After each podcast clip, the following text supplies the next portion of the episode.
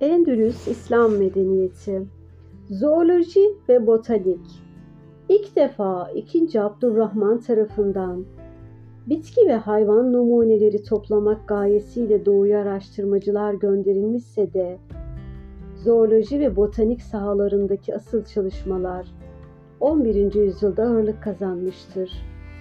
Bu dönemde bir bakıma bugünkü araştırma üretme merkezleri gibi geliştirilen bahçelerin şöhreti Endülüs sınırlarını aşmıştı.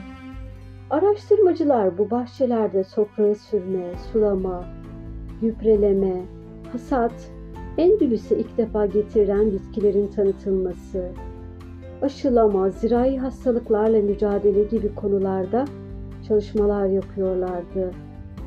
İbni Vafit, İbni Haccac, İbnül Avvam, İbnül Baytar ve İbni Bassal bahçe kültürlerinde temayüz eden alimlerden bazılarıdır.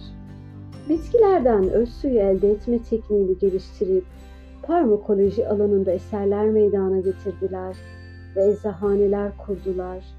İbnül Baytar muhtelif ilaç ve yemek türlerini topladığı ve bunların nasıl yapılacağını izah ettiği El Camili Müfredatil Edviye vel Aziye adlı eseriyle batıda olduğu kadar doğuda da büyük bir şöhret kazanmıştır.